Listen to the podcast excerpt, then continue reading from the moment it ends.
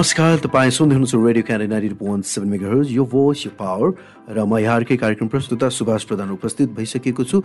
र आज पनि सिने लाइब्रेरीमा हामीसँग एक विशेष अतिथि हुनुहुन्छ जो फिल्म सेक्टरकै हुनुहुन्छ नेपाल फिल्म टेक्निसियन एसोसिएसनका प्रेसिडेन्ट हुनुहुन्छ पुष्कर लामा। र आजको कुराकानी यहाँहरूले हाम्रो खबर हबको पेजमा रेडियो क्यान्डिडेटको अफिसियल पेजमा पोडकास्टमा र हाम्रो पात्रको एप डाउनलोड गरेर रेडियो क्यान्डिडेटमा पनि यहाँले सुन्न सक्नुहुन्छ र ढिला नगरिकन आजको हाम्रो विशेष अतिथि पुष्कर लामा सरसँग कुराकानी गर्छु। पुष्कर सर यहाँलाई धेरै धेरै स्वागत छ। धन्यवाद। आराम हुनुहुन्छ? आरामै छु। नेपाली कला संस्कृतिलाई धेरै माया गर्ने साथै टेक्निसियनहरूको एकदम प्यारो व्यक्ति। हजुर। पुष्कर लामाजी। हजुर। कसरी समय बित्दैछ हजुरको? समय सामाजिक काममै व्यस्त छ दिन प्रतिदिन। अब भर्खर चलचित्र क्षेत्रको एउटा चल्ने एउटा वातावरण बनिरहेछ। यो लहर कायमै रहनुपर्छ। यदि चलचित्र चल्यो भने मात्रै हामी चलचित्र क्षेत्रको विधागत पेसामा रहेका चलचित्रकर्मीहरूलाई अझ सहज हुने हो। अझ सजिलो साथ हामी अगाडि बढ्न सकिन्थ्यो। यही भन्दै अब सिनेमा राम्रो पढ्नुपर्छ फर्स्ट अफ अल सिनेमा राम्रो भएको खण्डमा सिनेमा चल्छ नै। किनभने माहौल बनेको छ। किनभने लामो टाइमदेखि दर्शकले नेपाली चलचित्र हेर्नको लागि प्रतीक्षा गरेर बसेको सही टाइम आएछ अब चाहिँ राम्रो राम्रो चलचित्रहरू चलचित्र मेकरहरूले दर्शकलाई दिनुपर्छ भन्ने मलाई लाग्छ। त्यही हो त्यसरी नै अब चलचित्र आशा लाग्दो चलचित्रहरू पनि आइरहेछ। त्यही कारणले पनि हामीलाई अलिकति खुसी लागेको छ। चलचित्र चल्दाखेरि अब चलचित्रकर्मी भएको कारणले हामीलाई खुसी नलाग्ने त कुरै भएन। त्यही कारणले खुसी लागिरहेछ अहिले? से कोभिड पछि धेरैजना फिल्म मेकर्सहरू ब्याक हुनुभयो टेक्निसियनले काम पाउन छोड्यो होइन? तर पनि तपाईँहरूको सङ्घ संस्थाले चाहिँ टेक्निसियनलाई चाहिँ सपोर्ट पनि धेरै गरेको देख्यो हामीले सोसियल मिडिया मार्फत होइन? विभिन्न अनलाइन्सहरू मार्फत कि एउटा चाहिँ टेक्निसियन मर्नुहुन्न है भनेर चाहिँ तपाईँहरूले चाहिँ घर दैलो कार्यक्रम विभिन्न खालका सहयोगहरू पनि गर्नुभयो। यसलाई कसरी सम्झिनुहुन्छ तपाईँ? यो अब चलचित्र प्राविधिक सङ्घको एउटा कर्तव्यभित्र पर्छ र मेरो एउटा अभिभावक भएर काम गरेर राख्दाखेरि मेरो एउटा दायित्व पनि हो। त्यही कारणले हामीले कति सकिन्छ हाम्रो संस्थाको तर्फबाट व्यक्तिगत मेरो अध्यक्षको तर्फबाट मैले गर्ने कामहरू अनवरत रूपमा गर्दै आएको छ। यस्तो कामहरू हुनुपर्छ। यदि यो खालको काम भएन भने हाम्रो संस्थाप्रति आस्था राख्ने हाम्रो संस्थामा रहेका मे क्रियाशील मेम्बरहरूलाई ऊर्जा मिल्दैन। उहाँहरूको ऊर्जालाई कम हुन नदिनको लागि हामीले हर प्राइस गर्ने कोसिस गरेको पनि हो र गर्दै पनि आएको छु र भविष्यमा पनि हामी गर्दै जानेछौँ। त्यही भएर हामीले त्यसलाई निरन्तरता दिइरहेछौँ। सुरुवाती दिनलाई कसरी सम्झिनुहुन्छ? प्राविधिक रूपको प्राविधिक प्राविधिक रूपले आउनु भएको छ होइन? यता टेक्निसियन पनि आउनुभयो। आज एउटा संस्थालाई लिड गर्ने लिडर भएर आउनु भएको छ ती दिनलाई सम्झिँदा र ती भोगाईलाई हेरिराख्दा र अब यस्तो हुनुहुन्न है टेक्निसियनलाई भनिराख्दाखेरि पुष्करजी आफै पनि एउटा श्रमिक हिसाबले चाहिँ के कस्तो रिफर्म्सहरू आएको छ के कस्तो सुधारहरू आएको छ टेक्निसियनमा टेक्निसि टेक्निसियनमा सुरुको सुरुवातको क्रममा हेर्दाखेरि र अहिले वर्तमानमा हेर्दाखेरि आमूल परिवर्तन आइसकेको छ। धेरै सक्रिय भइसकेको छ। आफ्नो पेसामा निकै दक्षता हासिल गरिसकेको छ प्राविधिक दाजुभाइहरूले दिदीबहिनीहरूले प्राविधिक साथीहरूले भनौँ न। त्यही कारणले पहिलाको भन्दा धेरै कुराहरू सहज छ र पहिलाको टाइममा थोरै प्राविधिकहरू थिइन् अमलमा गर्ने प्राविधिकहरू जतिखेर चाहिँ नि म तिन दशक अगाडि छिर्दाखेरि र अहिले हेर्दाखेरि एक किसिमको ठुलो मासमा हामीले प्राविधिक पाउँदाखेरि हामीलाई एकदमै धेरै सहज र खुसी लागेको छ।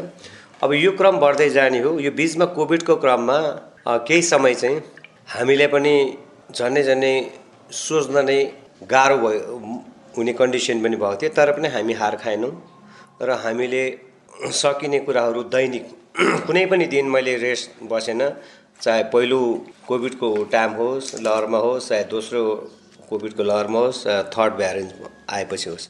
म अनवरत रूपमा आफ्नो दायित्व सम्झेर र म एकदमै क्रियाशील भएर प्राविधिकहरूको चाहिँ नि दैनिक के कसरी गुजारा भइरहेछ अथवा कहाँनिर समस्या होला जस्तो भएछ त्यहाँनिर म आफू पुग्ने कोसिस गरेको छु र उहाँहरूको एउटा चाहिँ नि माध्यम र उहाँहरूको साथी उहाँहरूको अभिभावकको रूपमा जसरी हामीले चाहिँ परिभाषित गरे पनि र म त्यसरी प्रस्तुत भएको थिएँ र अहिले चाहिँ अलिक सहज हुँदैछ। र त्यो टाइममा चाहिँ एक किसिमको झन्डै झन्डै शून्यमा जान्छ कि भन्ने एकदमै चिन्ता चाहिँ थियो। तर भगवान्को कृपाले हामीलाई फेरि पनि पुनर्चलायमान गर्नको लागि चलचित्र क्षेत्रमा काम गर्नको लागि एक किसिमको अहिले वर्तमानमा डे बाई डे नै बिस्तारै क्रमिक रूपमा हामीलाई हौसला मिलिरहेछ। अब यो हौसला बुलन्द हुन्छ र पहिलाकै स्वरूपमा जान्छ। जस्तै अघि तपाईँले भन्नुभयो नि अब प्राविधिक आफू पनि प्राविधिक भएर चाहिँ काम गरेर चाहिँ भनौँ न धेरैजनाको भावना बुझ्नु हुनुभयो तपाईँले होइन? गभर्मेन्ट सेक्टरबाट अझ प्राविधिक रूपलाई चाहिँ कस्तो हेरिरहेको छ? चलचित्र जुनमा निर्माण को क्रममा भनौँ न उहाँहरूको जुन योगदान छ होइन गभर्मेन्टहरूले कस्तो फेसिलिट गर्नुभएको छ विकास बोर्डले कस्तो फेसिलिट गरिराख्नु भएको छ तपाईँहरूको भनौँ माग अपिलहरू कतिको त्यो सुनवाई भइरहेको छ? विकास बोर्डले तपाईँको सूक्ष्म गतिमा उहाँहरूले प्राइस गरिराख्नु भएको छ त्यतिले पुग्दैन। तपाईँलाई एकदमै सही प्रश्न गर्नुभयो। तर यो प्रश्नको एन्सर म के दिन चाहन्छु भने गभर्मेन्टले नेपाली चलचित्र क्षेत्रलाई प्राथमिकमा नराखेको देख्दा चाहिँ दुःख लाग्छ हामीलाई। त्यो चाहिँ एउटा सिङ्गो इन्डस्ट्री इन्डस्ट्रीलाई। त्यसमध्येमा पनि सबैभन्दा पीडामा सबैभन्दा मिनिमम अमाउन्ट लिएर पारिश्रम लिएर श्रम गर्ने सबैभन्दा धेरै भोल्युममा चाहिँ चलचित्र प्राविधिकहरू छन्। ती प्राविधिकहरूलाई न तपाईँको राज्यले न विकास बोर्डले न तपाईँको कुनै पनि चलचित्र क्षेत्रको सर्कलले त्यति धेरै महत्त्वपूर्ण दिएर उहाँहरूलाई चाहिँ नि सम्मान गरेको उहाँहरूलाई चाहिँ मूल्याङ्कन गरेको जस्तो लाग्दैन। किनभने उहाँहरूको भाषामा भन्नुपर्दाखेरि प्राविधिक र कला कलाकार भनेको नङ्ग्रा मासुको सम्बन्ध हो भनेर भन्छन्। तर यो रिजल्टमा देखिरहेको हुँदैन मैले। केही अम्लमा गर्ने केही कलाकार चलचित्रकर्मीहरूले त्यो मूल्याङ्कन चाहिँ गरेका छन् र त्यतिले पुग्दैन। आज किनभने एकदम ठुलो लार्जेस्ट के भन्छ ठुलो टिममा भोल्युममा चाहिँ चलचित्र प्राविधिकहरू छन्। ती प्राविधिकहरूलाई पनि उनीहरू पनि यही के भन्छ मुलुकको मान्छेहरू हुन्।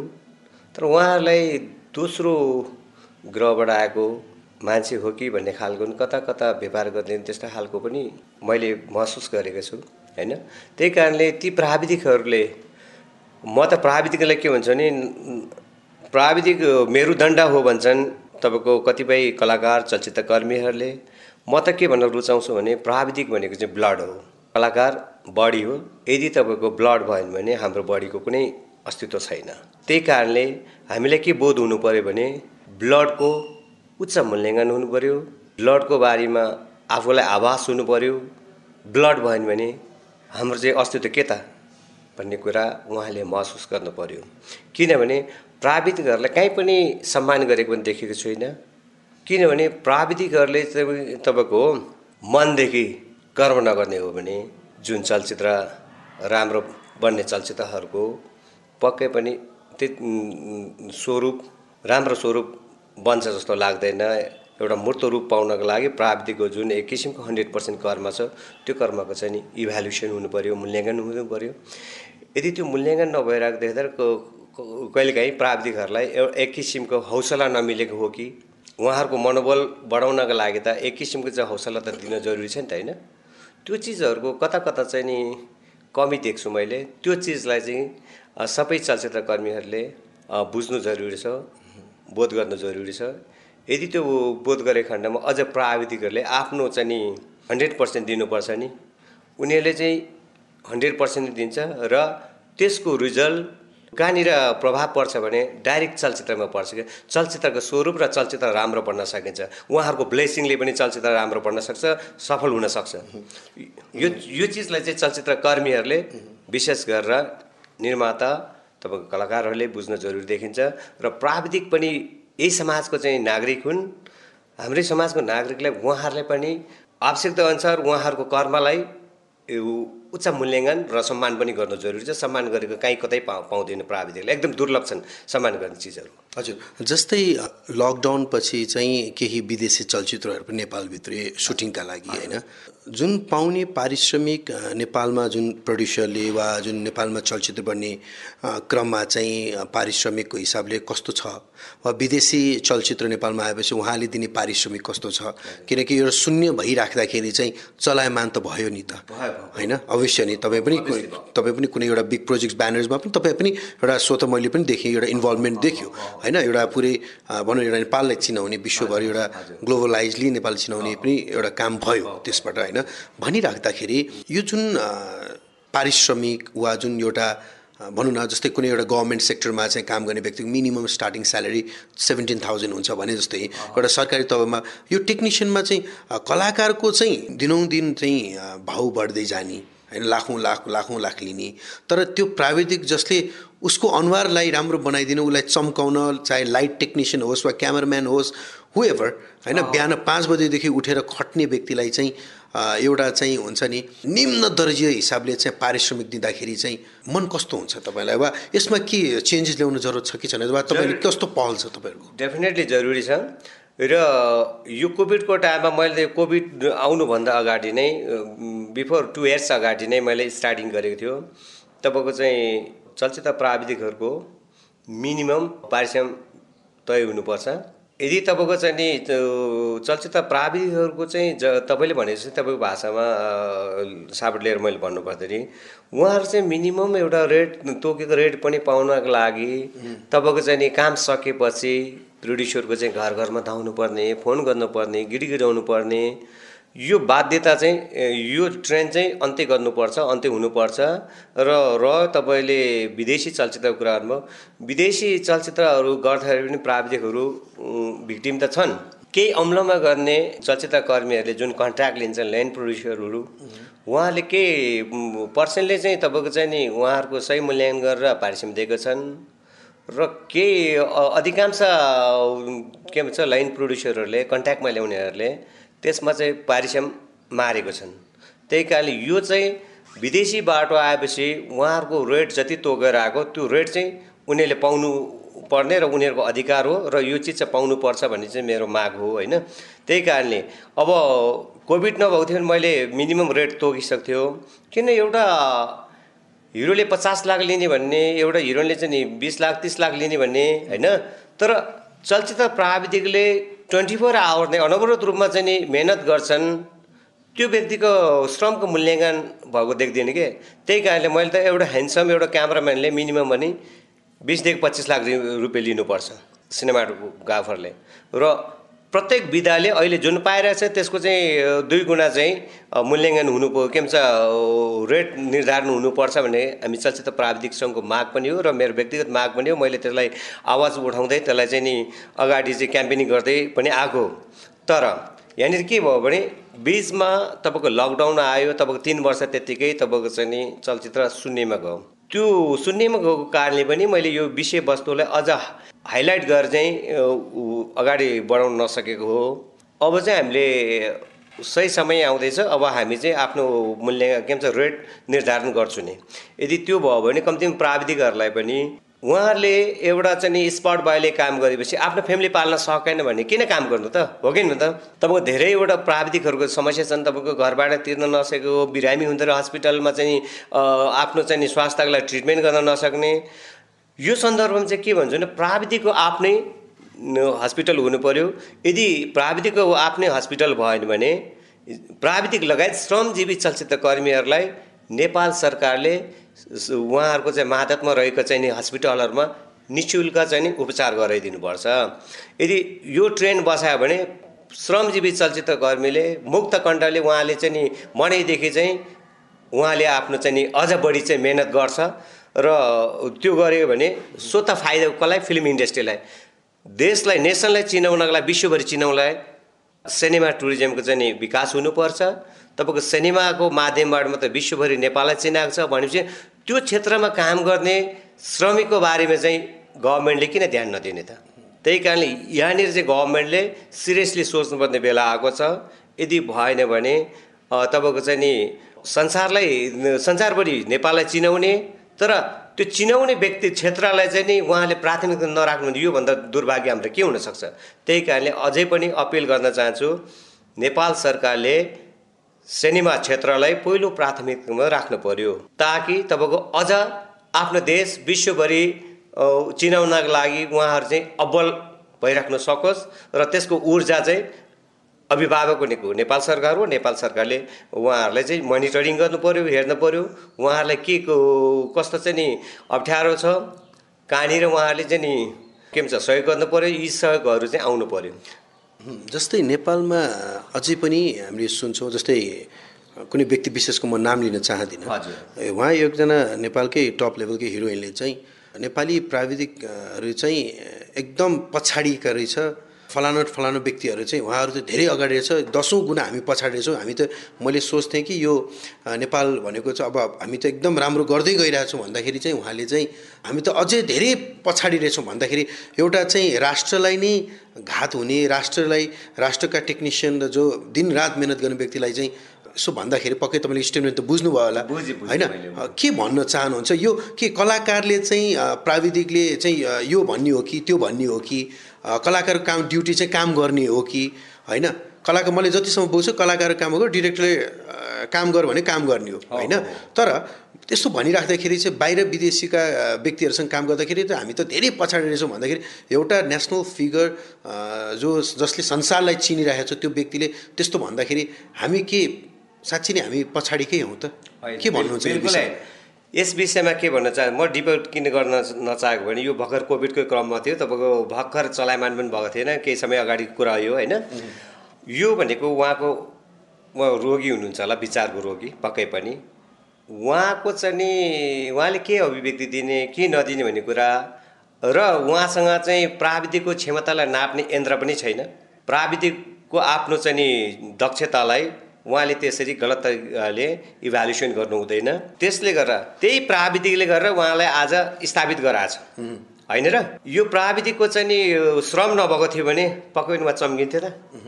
यदि प्राविधिकले तपाईँको मेन लाइट नहान्ने भयो मेकअप नगर्ने थियो भने उहाँको जे नेचुरल हो त्यसमा खिचे थियो ऊ आकर्षण हुन्थ्यो। लाग्दो देखिन्थ्यो। फुङ- फुङ्गो हुन्छ नि। हो त भमरै बिना फुलको तपाईँको चाहिँ कुनै अस्तित्व छैन। सेम त्यस्तै हुने। त्यही कारण यसमा म धेरै अ, अभिव्यक्ति दिन चाहदिनँ। जो जसले अ, अभिव्यक्ति दिनुभयो उहाँले किन दियो कसरी दियो उहाँको विचार र उहाँको स्कुलिङमा निर्भर पर्छ। कतिजनाले चाहिँ भनिन्छ नि जस्तै हामी चाहिँ यति फास्ट गर्दाखेरि टेक्निकली जहिले पनि त्यो अक्षक्षम भएको हुनाले चाहिँ हामीलाई चाहिँ ढिलो गरिदियो भनेर यो कलाकारिताको धेरै त्यो कलाकारहरूको चाहिँ दुःख सो पनि हुन्छ नि। अब हुन त नेपाली कलाकारको पनि यदि हामी हेर्ने भने उहाँहरू आउनु पनि ढिलो आउनुहुन्छ। बिहान टेक्निसियन पाँचै बजे पुगे पनि।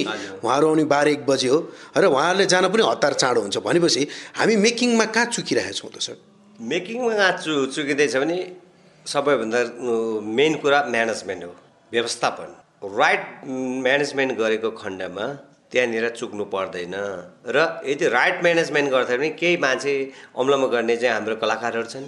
ती कलाकारलाई थाहा छ कलिङ टाइम यो हो भन्ने कुरा। तर व्यवस्था गरेर अब चाहिँ अब्बल दर्जाको ठानेर उहाँहरू टाइममा जानुहुन्न। भनेपछि उहाँहरूको स्कुलिङको कमजोरी हो नि त होइन? भनेपछि प्राविधिक तपाईँले भन्नुभयो किनभने धेरै प्राविधिकहरू कलिङ टाइममा पुग्छन्। बिहान पाँच बजी हिँडेर जान्छन्। बिहान तपाईँको भाडा गाडी चल्दैन सबैको साधन छैन। तर प्राविधिक अन टाइममा पुगेको हुन्छन्। तर त्यहाँ पुगेर पनि तपाईँको घन्टौँसम्म चाहिँ नि ती कलाकारहरूले कुर्नुपर्छ। भनेपछि ती कलाकारले दिने अभिव्यक्तिहरूप्रति चाहिँ हामीलाई दुःख लाग्छ क्या। किनभने प्राविधिक आजको दिनमा अब्बल छन् क्षे क्षमतावान छन्। त्यो चिजमा उम्, दुई मत छैन। त्यही कारणले यी चिजहरू भने चाहिँ उहाँहरूले दिने अभिव्यक्ति भनेको कुनै तुक छैन। त्यही कारणले प्राविधिकको कारणले मेरो अस्तित्व छ र म जहाँ छु प्राविधिकको कारणले छ भन्ने कुरा आफूले आफ्नो अस्तित्व जबसम्म स्वी- स्वीकार्न सक्दैन नि त्यो व्यक्तिको कालान्तरमा गएर राम्रो रिजल्ट आउँदैन। जस्तै अब भनौँ न तपाईँले विदेशी चलचित्रहरूसँग अस्ति पनि भर्खर केही एउटा ठुलै चलचित्रहरूसँग आबद्ध हुनुभयो। के कुरा सिक्यो त? किनभने तपाईँ त एउटा नेतृत्व गर्ने व्यक्ति। होइन? तपाईँले त्यहाँबाट पनि पक्कै त्यहाँबाट पनि धेरै कुरा सिक्नुभयो होला। के कस्तो कुराहरू सिक्नुभयो र के कस कुराहरू बाँड्नुभयो आफ्नो साथी समकालीन साथीहरू वा अहिले अहिलेको टाइममा? फर्स्ट अफ अल डिसिप्लिन अनुशासन अनि व्यवस्थापन अनि आफू अनेस हुनु पर्यो। यदि यो अनेस भएर पक्कै पनि मैले के काम गर्ने त? जिम्मेवारी के त? मेरो जिम्मेवारी के त? म केमा एक्सपर्ट हुनु पऱ्यो त? आफ्नो आफ्नो फिल्डमा सबै मान्छे एक्सपर्ट भएको खण्डमा पक्कै पनि राम्रो रिजल्ट आउँछ तपाईँको चाहिँ नि हामी निर्धारण गरेको टाइममा सिनेमा सुटिङ सकिन्छ। त्यही कारण यी कुराहरू सिकेको मैले। उनीहरूबाट धेरै कुरा अझै पनि राम्रो कुराहरू हाम्रो मान्छेमा हाम्रो चलचित्र कर्मीहरूमा एप्लाई हुने जरुरी छ। कलाकार होस् टेक्निसियन होस् यी सबैले आफ्नो दायित्वको बारेमा बोध हुन जरुरी छ। यी कुराहरू अनुशासन तपाईँको म्यानेजमेन्ट हो म्यानेजमेन्ट हो म्यानेजमेन्टले चाहिँ गरिदिएपछि तपाईँको चाहिँ नि टाइममा नआउनु टाइममा नहिँड्नु भनेको चाहिँ उनीहरूको अनुशासन नभएको भन् भन्न चाहन्छु। टेक्निसियनलाई गर्ने जुन व्यवहार थियो नि जस्तै यहीँ पनि हामी पनि हेर्छौँ नि अब कति ठाउँमा अब सुट गयो भने चाहिँ कलाकार डिरेक्टरहरू चाहिँ अलिकति फाइभ स्टार होटल जस्तो अलिअलि बस्ने अनि टेक्निसियनलाई चाहिँ त्यो गनाउने रुममा राख्ने वा त्यो लेभलको एउटा तुच्छ व्यवहार पनि गरेको हुन्छ। तपाईँहरूलाई जब तपाईँहरूले काम गर्नुभयो विदेशी चलचित्रहरू धेरैमा काम गर्नुभयो चाहिँ उहाँहरूले टेक्निसियनलाई हेर्ने नजर कस्तो रहेछ? उहाँहरूले त सबैभन्दा पहिलो प्राथमिकतामै टेक्निसियन राखिन्छ। इन्टरनेसनल बडीमा हेर्ने प्लेटफर्ममा हेर्दाखेरि उनीहरूले जहिले पनि सबैभन्दा हार्डवर्क गर्ने टेक्निसियन हो। टेक्निसियनलाई स्वच्छ र सुरक्षित राखेको खण्डमा मात्रै उहाँहरूको चाहिँ प्रोजेक्ट सफल हुन्छ भन्ने कुरा त्यो मेकरहरूलाई थाहा भएको कारणले उहाँहरूको मे के भन्छ प्रोजेक्टहरू सक्सेस पनि छन् र हाम्रो मेकरहरूले पनि यी चिजहरू सिक्ने जरुरी छ। पक्कै पनि होइन। अब जाँदा जाँदै के कस्तो रिफर्म्सहरू आउनुपर्छ? के कस्तो सुधारमुख हुनुपर्छ?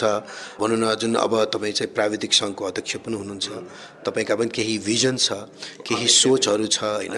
कसरी इम्प्लिमेन्ट होस् भन्ने चाहनुहुन्छ? गभर्मेन्टलाई के भन्न चाहनुहुन्छ? वा साथीभाइलाई के भन्न चाहनुहुन्छ? जो यही क्षेत्रमा निरन्तर रूपमा काम गरिराख्नु भएको छ होइन? तपाईँको अभिव्यक्तिहरू के हुनसक्छ? के के हुनु जरुरत छ जस्तो लाग्छ? जाँदा जाँदै। मेरो प्राविधिक दाजुभाइले के के मात्र निवेदन हो भने जहिले पनि फर्स्ट अफ अल हामी अनुशासित हुनु पऱ्यो हामी अनुशासित भयो भने अरूलाई अनुशासनमा राख्न सकिन्छ। हामी अनुशासनमा नबस्ने अरूलाई अनुशासनमा बस भन्दाखेरि पक्कै पनि बस्दैनन्। उदाहरणको निम्ति घरको अभिभावक अनुशासनमा बसेन भने आफ्नो चाहिँ नि घरको चाहिँ नि मेम्बर्सहरू अनुशासनमा बस्दैन।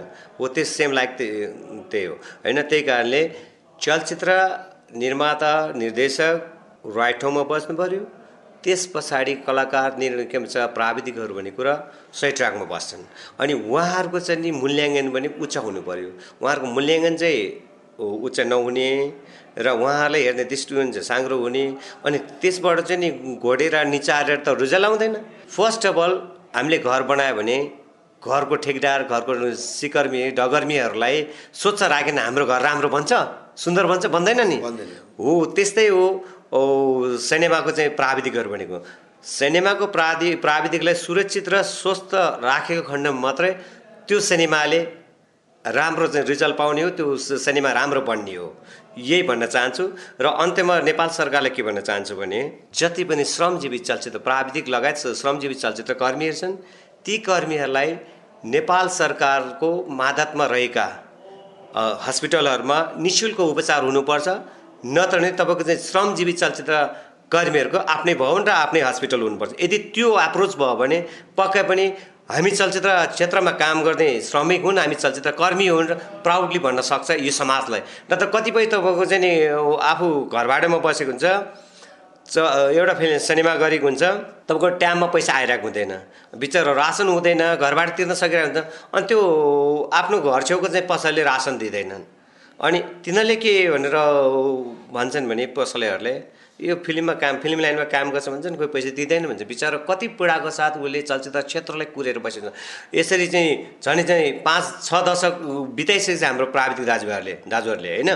यी चिजलाई उनीहरूलाई कमजोर नहोस् समाजमा उनीहरूलाई चाहिँ नि तिरस्कार नहोस् उनीहरूको मनोबल बढाउनका लागि पहिलो कुरा भनेको हामीले आफ्नो मिनिमम रेट चाहिँ तोक्न जरुरी छ। त्यो रेटलाई निर्माताले स्वीकार्नुपर्छ। Thank you so much Pushkar Lama sir हजुरले धेरै राम्रो कुराहरू भन्नुभयो र यति व्यस्त समयमा पनि हामीलाई समय दिनुभयो। थ्याङ्क यू सो मच भन्न चाहन्छु। मलाई नि आफ्नो चाहिँ बनाएर राखिदिनु राख्ने मौका दिनुभएकोमा थ्याङ्क यू वेलकम पक्कै पनि आजको कुराकानीहरू विशेष रह्यो किनकि पुष्कर सरले लामो समयदेखि नेपाल फिल्म टेक्निसियन एसोसिएसनमा चाहिँ प्रेसिडेन्ट भएर काम गरिराख्नु भएको छ र उहाँले दिनुभएको योगदानलाई पक्कै पनि हामी पनि कदर गर्छौँ। र यस्तै व्यक्ति विशेषलाई चाहिँ हामी अर्को हप्ता पनि निम्ताउँछौँ र फिल्म क्षेत्रका गतिविधिहरू कुराकानीहरू पोजिटिभ कुराहरू कसरी अगाडि बढ्न सक्छ भन्ने खालका कुराकानीहरू हामी अवश्य गर्छौँ। अर्को कार्यक्रममा पनि यति भन्दै म यहाँहरूमा आज बिदा हुन चाहन्छु। सुन्दै गर्नुहोस् radio Candy ninety two point seven makers यो भोइस यो पावर गुड नाइट